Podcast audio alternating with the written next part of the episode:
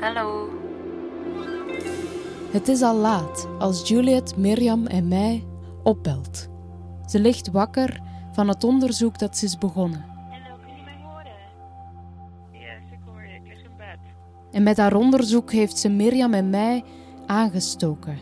Wij zitten er ondertussen ook middenin. Waar ben jij, klinkt- Waar ben jij? Ik zit in mijn kledingkast.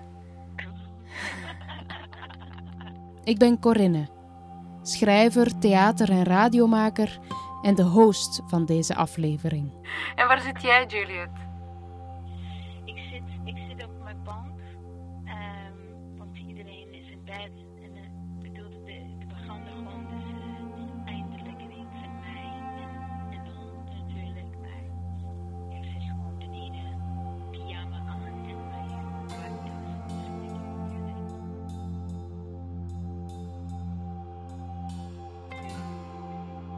Welkom bij Drie uur s'nachts, een podcastprogramma over de dingen waar je wakker van ligt. De eerste reeks gaat over de goede leugen en de grenzen ervan. De reeks bestaat uit vijf afleveringen. Dit is aflevering 1. Maar meiden, ik- heb iets, ik heb iets met fucking leugens. I know. Oh. Ja, want, want ja, ik was gewoon stumpt in hoe kan ik zo goed tegen mezelf liegen. En dan, en dan kwam ik er land over, ja, wa- wacht even, wat is een leugen? En weet je, hoe, hoe gaan we om met liegen? Maar het lijkt dat het gewoon leugending is, is gewoon een, een enorme, super complexe ding. En dat, ja, ik zit echt zo. Shit! ik wist dat het wel iets groot was, maar. Ja. Zo groot? Juliet, verhalenverteller, is de aanstichter van dit alles. Ze gooide een balletje op toen ze ons vertelde over een leugen tegen zichzelf. De bal ging daarna alleen maar meer aan het rollen.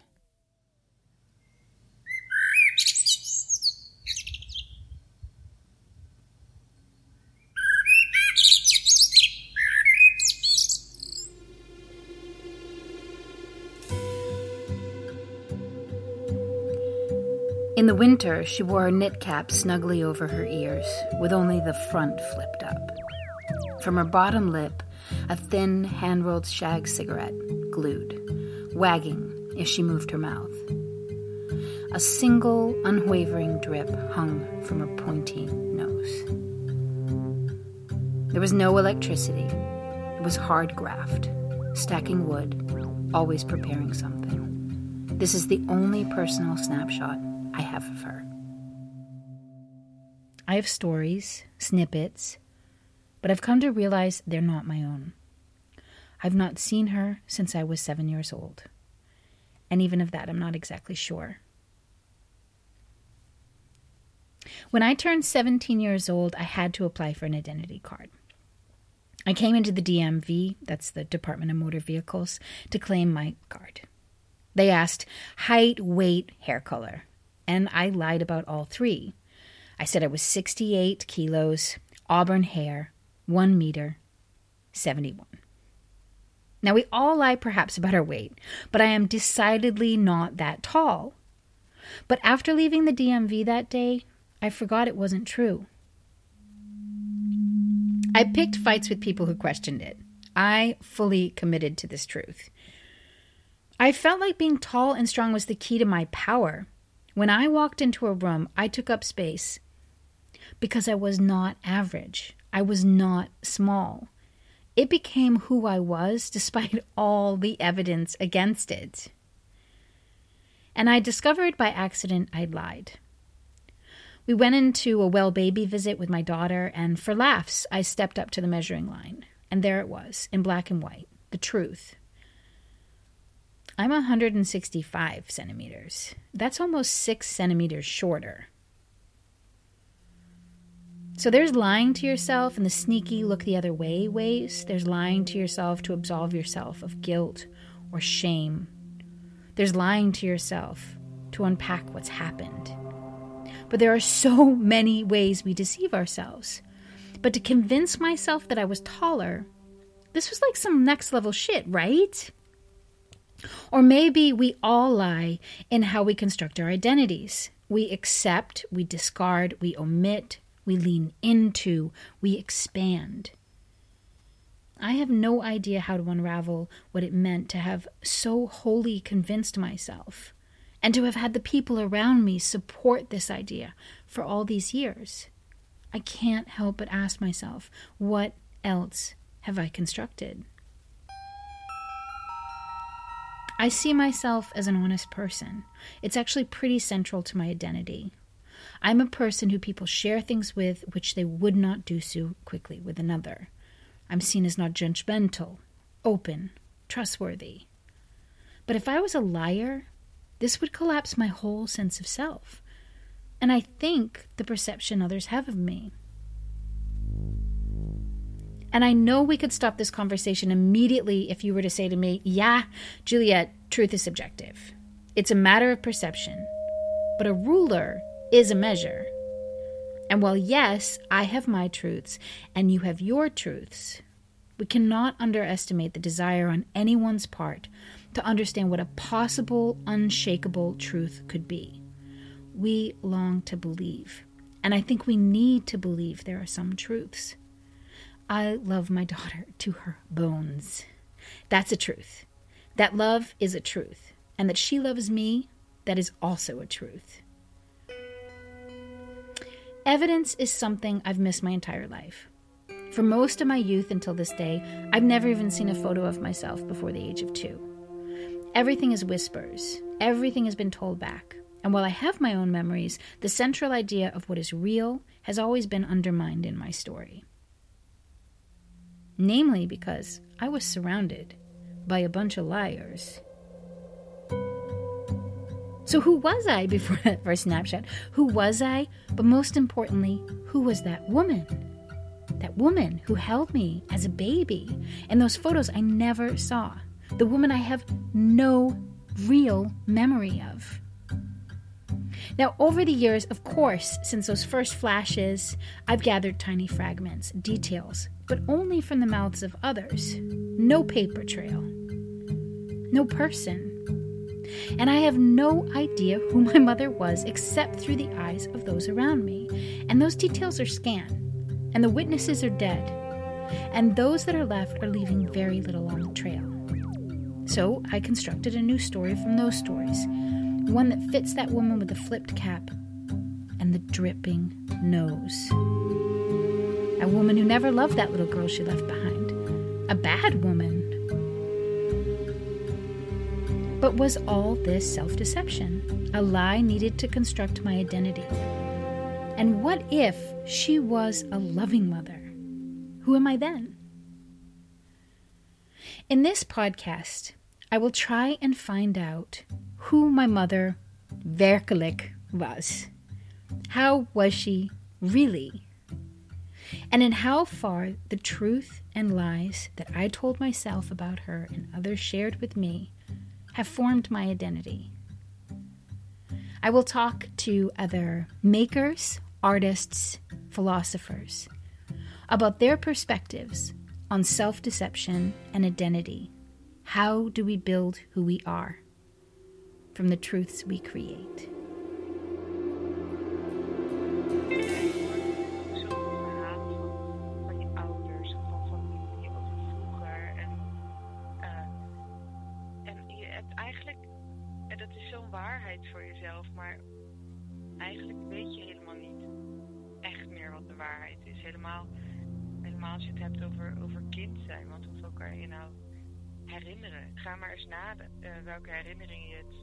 hebt. En dat is waarschijnlijk ook waar je het meest foto's van hebt. Of waar je, dus je bouwt, je bouwt zelf een waarheid. En, maar is het dan nog liegen als je dat verhaal doorvertelt? Of heeft hebben je eigen hersenen gewoon een nieuwe waarheid gecreëerd? Ja, wat denk jij, Camilla? Want jij hebt ook het uh, gesprek gehad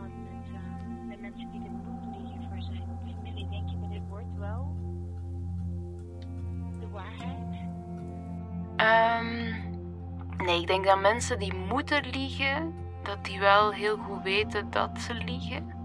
Eh, omdat, omdat ze het voor iemand anders doen. Eh, omdat ze het voor iemand anders werkelijkheid of, of en, en dat ze eigenlijk alleen op die manier met de persoon die ze zo graag zien kunnen samen, samen zijn. Juliet heeft inderdaad iets opengekrapt met haar verhaal over 1,71 meter. Ik ben ook een onderzoek gestart. 9 uur. Online vergadering voor deze podcast. Hallo.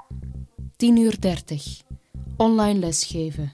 Aan 30 middelbare scholieren uitleggen hoe een podcast werkt. Goedemorgen allemaal. 13 uur 30. Gesprek met de directeur van een culturele instelling, waar ik op residentie ga. 15 uur. Vrijwilligerswerk in de wijk met kleuters. Hey. 16 uur 30. KPN-man komt de zwakke internetverbinding herstellen. Ja, goedemiddag. 17 uur. Mijn vriend belt. Hey. Ik draag maskers. En veel. Elk agendapunt zet ik er weer een andere op. Soms stoort het mij. Voel ik mij er minder authentiek door. Lekker jezelf zijn en van die dingen. Soms is het handig. Kan ik daardoor een vrouwenhater interviewen? Zet ik gewoon even een masker op. Hallo. En is dat nu erg? Maskers opzetten. Om dat te onderzoeken, bezoek ik elke aflevering mensen die moeten liegen. Die een of ander masker moeten dragen. Vandaag zijn dat Helene en Anneke. De ene moest liegen tegen haar man, de andere moet liegen tegen haar moeder. En waar ga ik nou heen? Naar Alerikstel. Ja, dat is, daar woon ik. Als Anneke haar moeder naar huis En brengt, nou ga ik naar, Alerikstel. ja, naar wie? Daar ik woon. Ja. gaat het altijd op dezelfde manier.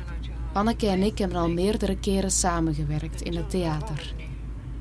Op een dag stuurde ze mij deze opnames door. Waar zijn we nou hier? Eh, dit is Alerikstel. Dus ik woon nou voor zijn Aleriksel. Ja.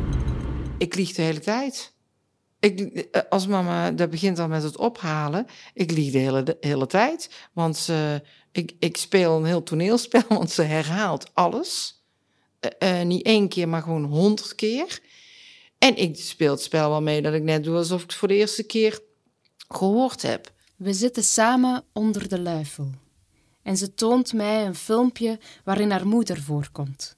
Een nette, kwieke vrouw met in haar ogen de wazige schijn van Alzheimer. We houden eh, mama in stand zoals ze was. Dat is helemaal niet meer. Er, er is niks meer van waar.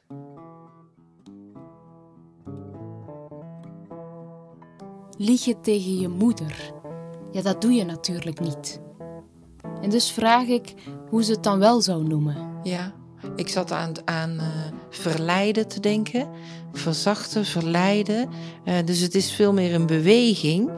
Het is veel meer een beweging dan een, een woord. Want het is steeds weer meebewegen in de sfeer, in de behoefte.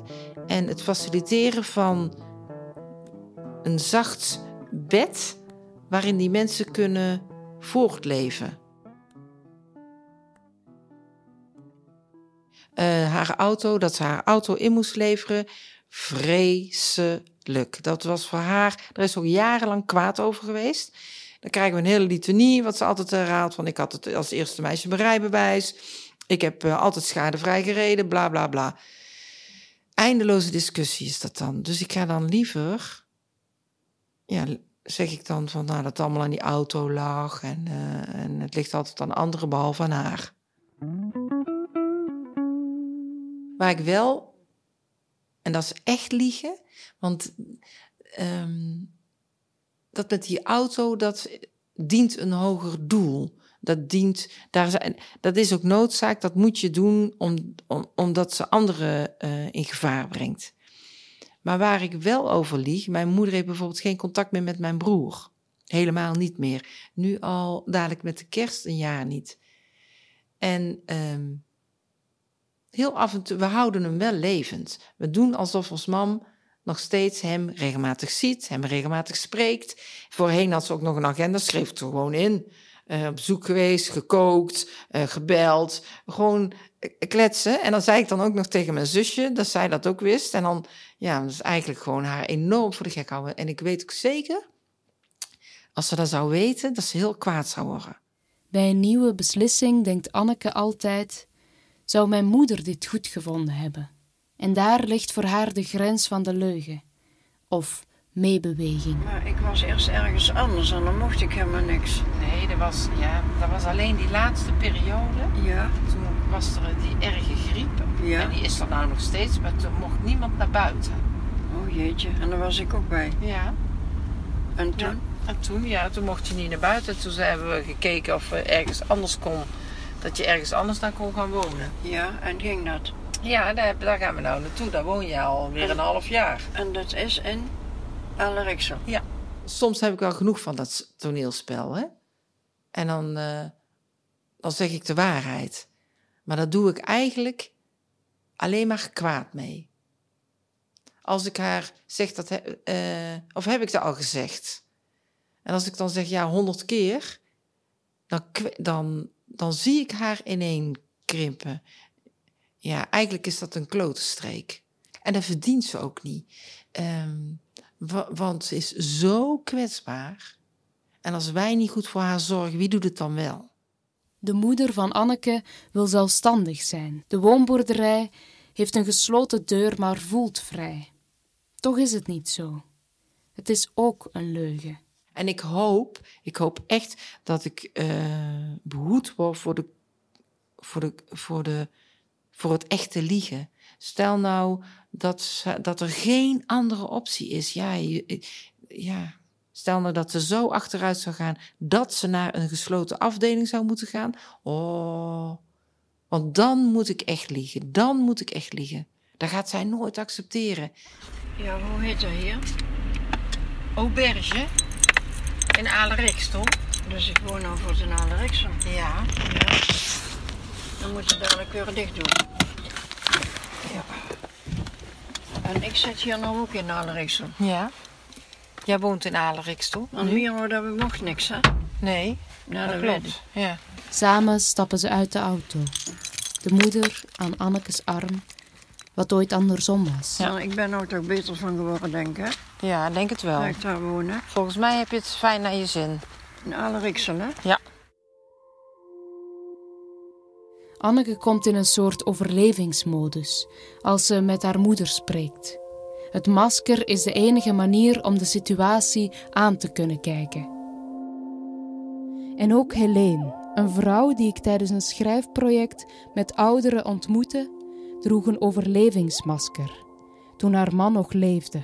Maar ik weet nog, toen wij gingen trouwen en, wij, en toen hadden we nog verkering, toen merkte ik al iets aan hem dat hij, ja, hij ging in dienst en eh, hij was, dan moeten dan, vroeger was de recrutentijd, moesten zoveel weken eh, in dienst blijven, dan mochten pas weer naar huis. En toen hij voor de eerste keer dan weer thuis was, met zijn soldatenpak aan, toen kwam ik bij hun achterom en toen begon hij te huilen. En toen merkte ik al dat hij niet zonder mij kon. Ik zit bij Helene in haar aanleunwoning, die op een veilige afstand van een woonzorgcentrum staat.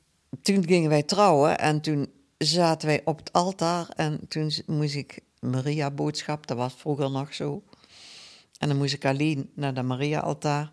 En toen vroeg hij al aan mij, hoe lang bleef jij weg? Dus toen dacht ik al, hè? Maar ja, ik kwam er gauw genoeg achter. Hij was bang voor de dood. Hij dacht altijd dat hij dood ging. Dus ik kon ook nergens naartoe nooit.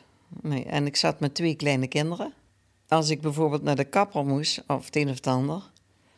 Ja, dan, dan kwam hij me gewoon eh, bij de kapper eh, opzoeken. En dan had hij een smoesje van...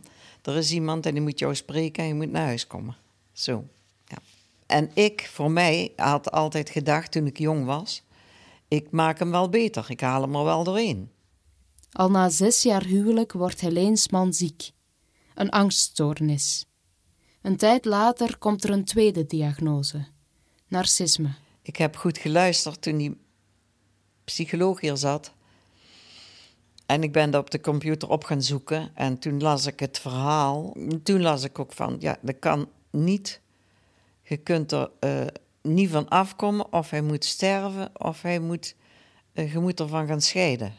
Ja, en dat zat niet in mijn programma om dat te doen. En vroeger hadden toch zoiets meer dat gevoel van, ik ga ervoor. Ja. Als ze op vakantie gingen, moest het hotel dichtbij een ziekenhuis liggen. De dagen verliepen onder zijn regie. Ergens uh, had hij het gewoon moeilijk met zichzelf. En door dat narcisme werd hij ook uh, ja, toch wel een, zo dominant dat, dat ik er ooit bang van was. Ja. En dan zei hij altijd van, uh, als ik doodga, ga jij mee. Soms moest ze liegen. Ja, ja, want hij had ook zoiets van een vluchtgedrag had hij ook, hè. En hij dacht altijd, maar als ik maar weer ergens anders woon, dan gaat, word ik wel beter. Dus ik ben twaalf keer verhuisd. En dan, uh, hij kon op de computer niet zoveel doen, dus dan had, hij, uh, had ik ze, mijn e-mailadres en dan zou ik van de woningbouw bericht krijgen. Als ze weer een woning hadden. Nou, en uh, dat had ik dus dikwijls op de computer en dan deed ik het weg. En dus dat was een soort liegen, want dan zei je, heb je nou niks gehoord? Ze nee, niks gehoord. Dus uh, hij zei, dan, en dan zei hij ook van, als dat uitkomt dat er wel iets op heeft gestaan, dan, kijk, die dingen kreeg je toen ook, hè, van uh, die dreigementen. Helene droeg continu een masker. Ik praat hem ook overal maar goed, want ik deed overal maar net of het... Ik ging wel met hem mee, want ik deed hier beneden koffie en alles verzorgen hè, voor de mensen. En uh, ging ik altijd met een glimlach naartoe en doen. En hij kwam ook lekker koffie drinken. Hij had het grootste woord, hij markeerde niks. Uh, dus, en als ik dan, dan ging hij naar boven, maar dan moest ik nog opruimen en zo. En dan kwam ik boven en dan was het weer van, uh, waar ben je weer gebleven? Ik moet eten, want ik heb suiker. En zo, weet wel, dat dominante. Uh, mijn dochter zei een keer van, uh, ik heb geen moeder. Dat was voor mij hard, maar ik begreep haar wel. En toen werd hij, een tiental jaar geleden, lichamelijk ziek. Aan zijn hart en dan aan zijn longen. Doodziek werd hij maar hij had een ingebouwde AED, iets zoals een pacemaker, die zijn hart weer tot leven wekte als het stopte met kloppen. Dus als hij doodging, begon dat ding te werken en dan kwam hij weer tot leven. Dus een toptoestel voor een narcist met angst voor de dood. Hij lag ondertussen in een hospice, een laatste halte, maar liep daar steeds weg, naar huis, naar Helene mijn zoon die durfde mij niet meer alleen, want mijn schoondochter was meegegaan. En toen zat hij zo kort bij mij dat hij zo wel met zijn kop tegen mijn kop wou stoten. En dat had Steen mijn zoon gezegd. En uh, die durfde niet meer te... Die zorgde altijd dat hij een bepaalde tijd thuis was van zijn werk. Dat hij met mij mee daar naartoe kon gaan. En toen ging de telefoon. Hij is weer onderweg naar huis. Want hij ging daar ook weer weglopen. En toen had mijn zoon gezegd: koffer pakken, moeder, wat je nodig hebt. We zien er de rand wel. En met mij mee. Toen heeft ze acht maanden bij haar kinderen gelogeerd, terwijl hij niet wist waar ze was. Ik weet niet of ik dat nog voor de tweede keer zou doen, maar ja. Ergens vond ik het ook heel erg dat hij ziek was. Had hij ook niet omgevraagd. Hij had ook niet gevraagd om psychisch ziek te worden. Dat had hij gekregen en ja, daar had hij mee moeten leven.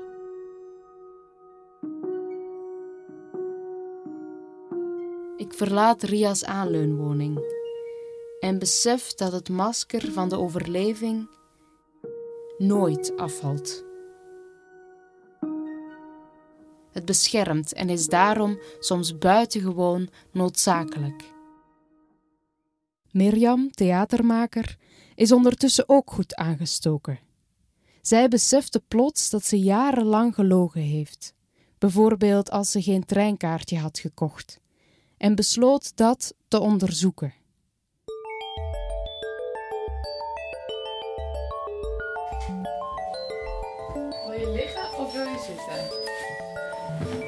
Denk dat je de dekens hoort als het kraakt. Dan moeten we nou stil blijven liggen, toch? Als dat lukt. Dat lukt vast wel. Maar wil je niet zo lekker zo liggen? Op een kussen. Zo bedoel je. Zo. Ja. Lig je zo lekker? Ik lig met mijn vriendje in bed. Niet omdat we gaan slapen, maar omdat ik hem als eerst wil interviewen voor deze podcast en de slaapkamer de stilste ruimte is. Wij liggen onder de dekens. Of nou ja, ik lig onder de dekens, want hij houdt er niet van om met kleren aan in bed te liggen. Ruben en ik zijn al vijf jaar samen. En van iedereen die ik ken, is hij misschien wel degene die ik het meest op zijn woord durf te geloven. En misschien is het omdat hij niet zo goed kan liegen, of misschien heeft hij helemaal geen leugens nodig.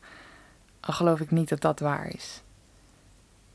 Zelf hou ik van verhalen verzinnen om iets voor elkaar te krijgen. Iets wat niemand schaadt en waar ik mezelf of iemand anders een plezier mee kan doen. Het geeft me een kick als het lukt.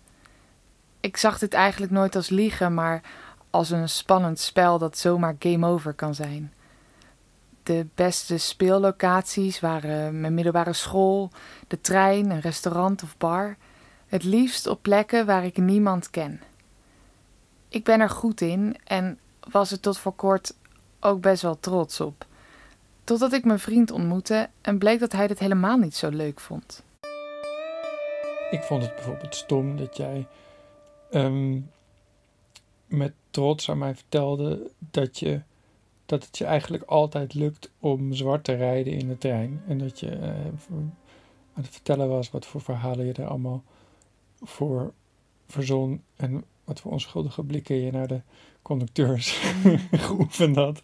Om ervoor te zorgen dat, je, dat zij daadwerkelijk geloofde dat jij eh, verkeerd ingecheckt was. Of in ieder geval een soort van naïef meisje was. Dat het niet door had hoe dat werkte met die overchipkaart. En dacht je, ja, het is me gelukt om zwart te rijden. Ik heb een high score in zwart rijden. Van kleine, korte sprinterritjes tot aan de Thalys. Ik moet toegeven dat ik me hier eerder nooit schuldig over heb gevoeld, omdat de NS maandelijks 100 euro van me kreeg voor mijn Dalvrij abonnement. Maar ja, er is ook nog een spits.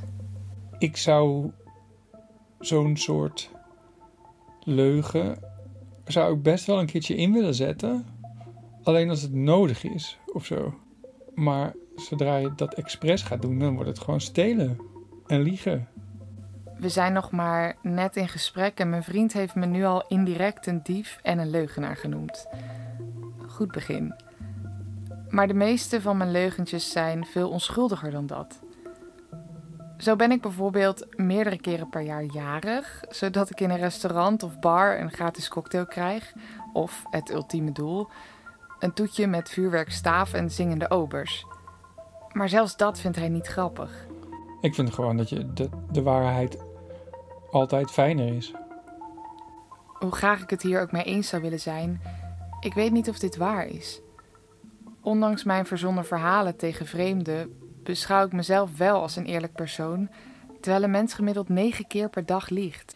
Jij bent oprecht een van de mensen waarvan ik denk dat je bijna nooit liegt. Ja, ik, ik bedoel, ik zeg wel eens iets niet, of ik draai wel eens ergens omheen, maar echt iets, iets, lie- iets liegen, dat, dat doe ik eigenlijk niet. Gelukkig wist mijn vriend zich ook snel een leugentje te herinneren van die dag.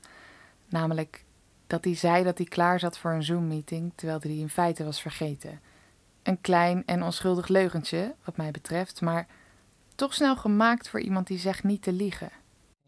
Ik heb wel een andere, ander ding met leugens, of een andere voorbeeld van leugens, waarmee ik zelf heel bewust ben bezig geweest en wat ik ook zelf wel echt veranderd heb in mijn leven. Vertel. Dat is ook een hele stomme, maar volgens mij doen heel veel mensen dat. Is dat als je naar iets gevraagd wordt, eh, bijvoorbeeld, dat iemand vraagt: Ben je wel eens op Lowlands geweest? En dat je dan zegt: Ik ben drie keer op Lowlands geweest, terwijl je er eigenlijk maar één keer bent geweest. Dus gewoon een beetje het, zeg maar, op, het opschep. Mhm. Maar het interessanter Sociale, maken. ja, interessanter maken dan het was. Ik denk dat iedereen dat, dat doet. Maar daar heb ik een tijdje geleden, of een tijdje geleden, al een aantal jaar geleden, van besloten dat het echt alleen maar vervelend is voor mezelf als ik dat doe. Mhm. Dus daar ben ik mee opgehouden.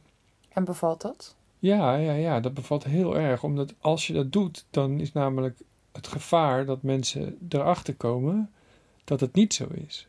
En, Ja. en in mijn geval was ik daar dan heel erg mee bezig. Mhm. Dus dan heb je geen leuk gesprek meer. Het is ook een soort van onzekerheid natuurlijk. Dat jij als, als iemand zegt, ben je wel eens eh, op Lowlands geweest? Het antwoord nee is natuurlijk altijd het lulligste antwoord. Mhm. Maar als je dan zegt nee, maar hoe was dat? Dan is dat natuurlijk een veel leuker eigenlijk. Dan krijg je ook een heel leuk gesprek. Maar dan moet je wel durven toegeven dat jij niet die vrije vogel Lowlandsganger was. Die vrije konijnenvogel. Die konijnenvogel. Ja, maar het is denk ik ook heel, heel bevrijdend om dat voor jezelf te besluiten. En ook dat je merkt dat het eigenlijk helemaal niet erg is. Ik denk niet... Nee, sterker bedoel- nog, mensen die dat, die dat veel doen en die je, waarvan je merkt dat het ze geen fuck kan schelen wat iemand anders over hun denkt, die worden daar meteen veel toffer van. Ja, absoluut. En jij dan? Ik heb laatst nog tegen je gelogen. En die durfde dat- ik niet meer te zeggen. Maar dat, maar dat horen we in de volgende uitzending. Nee, ik zal je vertellen wat mijn laatste leugen aan jou was. Ehm, toen ik had geboden op de bestekset op Marktplaats. ja. eh, en toen dacht ik, ik heb een goede deal gemaakt. Ja. En jij vroeg, hoeveel heb je uiteindelijk geboden? En ik heb 50 euro gezegd. ja. En het was 60 euro. Oh, Zo'n marginale leugen. En vind je het stom dat ik 50 tegen je heb gezegd terwijl het 60 was? Nee, niet echt. Hoor je een tientje van me? Nee. Dank je. Dit was dan weer een leugentje waar ik me wel echt voor schaamde. Omdat hij volledig zinloos was en ook nog eens tegen mijn eigen vriend. Maar het boeide hem vrij weinig. Sterker nog, ik heb mijn gelogen 10 euro zo weer terugverdiend. Om uit te zoeken wat deze verschillende leugentjes nou voor effect hebben en vooral waarom we dit doen, wil ik de komende vijf maanden, zolang de podcast duurt, volledig stoppen met liegen. En het is niet dat ik denk dat een wereld zonder leugens mooier is, maar niet meer liegen dwingt me wel om de hele dag na te denken over wat ik zeg en te kunnen analyseren wanneer ik eigenlijk een leugentje had willen vertellen. Ik zou willen weten waar deze leugens goed voor zijn, welke ik af kan leren en of ik een gezonde balans kan vinden binnen deze goede leugens. Liegen gebeurt in je eigen hoofd, bewust en onbewust. En zonder getuigen ben jij de enige die de waarheid weet. Dus de enige waarmee ik dit experiment aan kan gaan ben ik zelf. Maar voel je vooral vrij om mee te doen en je ervaringen met me te delen. Ik ben heel benieuwd. Maar, maar krijg je dan ook zo'n, zeg maar, liar, liar, eh, Jim Carrey-achtige situaties? Ga je, ga je die dan ook niet uit de weg? Zodat je- voorbeeld. Nou, gewoon dat iemand zegt, hé, hey, eh, ehm, vond je het eten lekker? Als je dan het eten echt niet zo lekker vond, Mhm. zeg je dan, ehm, ah, ik heb nog nooit zoiets gegeten. Wat een waarheid is, maar wel de halve waarheid, want eigenlijk wordt je gevraagd of je het lekker vond. Mhm. Of zeg je dan, ik vond het vies? Dat is een goede vraag.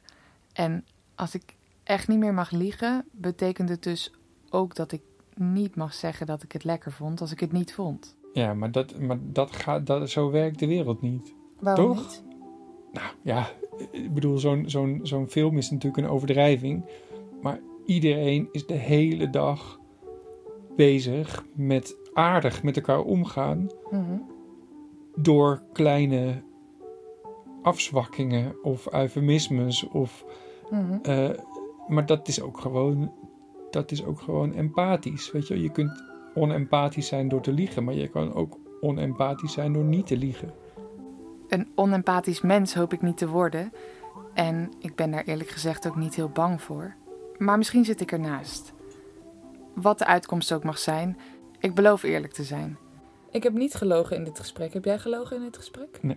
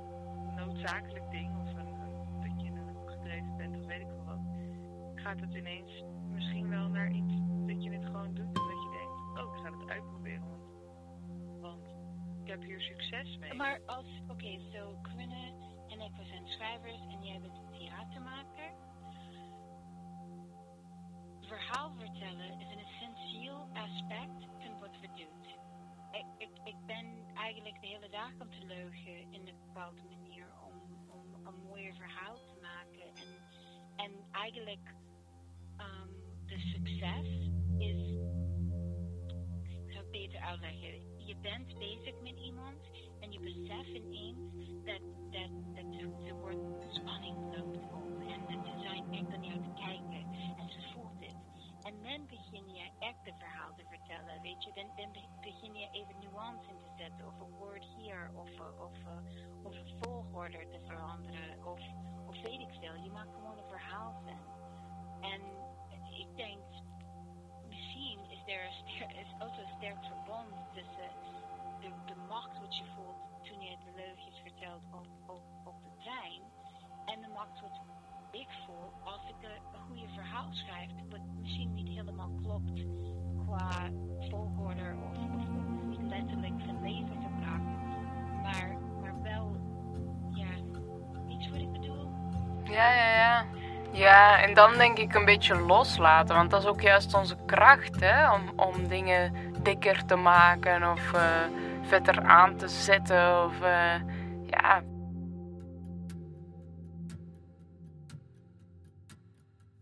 Aan het einde van mijn gesprek met Anneke zei ze mij dit. Eh, met die puberende kinderen eh, lieg ik eh, ook vaak genoeg. Om, ehm, om de verhitte discussies uit de weg te blijven. Dat ik denk van ja, daar gaan we weer. Laatst eh, vroeg, vroeg zo'n lief zo van... Zeg je nou ja om van de discussie af te zijn? Want je zegt, gaat nou ineens alles go- goed vinden. Ik zeg, nee hoor. Maar ik denk van, ja, je hebt echt geen zin in in dat geruzie. Ik denk dat ik tegen mijn pubers nog veel meer lieg dan tegen ons mam. En daarom ga ik volgende keer met ouders en kinderen in gesprek over de leugens die ze aan elkaar vertellen. Juliet doet onderzoek naar hoe liegen tegen onszelf deel van onze identiteit kan zijn. En Mirjam gaat op bezoek bij psycholoog en leugenexpert Sophie van der Zee. Ik hoop echt van harte dat zoveel mogelijk mensen dit, eh, hun, hun leugens in gaan sturen. eh, om echt een beter beeld te krijgen van wat voor leugens vertellen we nou. Misschien zit u met een leugen. Bel of app dan naar het leugenloket Het Leugenloket. 06 82 38 83 35. De inzendingen worden gebruikt in het onderzoek van Sophie van der Zee. Zij zal de resultaten kenbaar maken in de laatste aflevering. Dit alles anoniem en met veel zorgzaamheid. Het Leugenloket. 24 op 7 06 82 38 83 35. Tot in de volgende aflevering. Dan hoor je de vorderingen van onze onderzoeken. Erewoord. Ehm, het was heel fijn met jullie te praten. Ja, vond ik ook. Yes. Maar slaap lekker. Ja, En, ehm, slaap lekker. Dank jullie wel. Oké, tot ziens. Dag.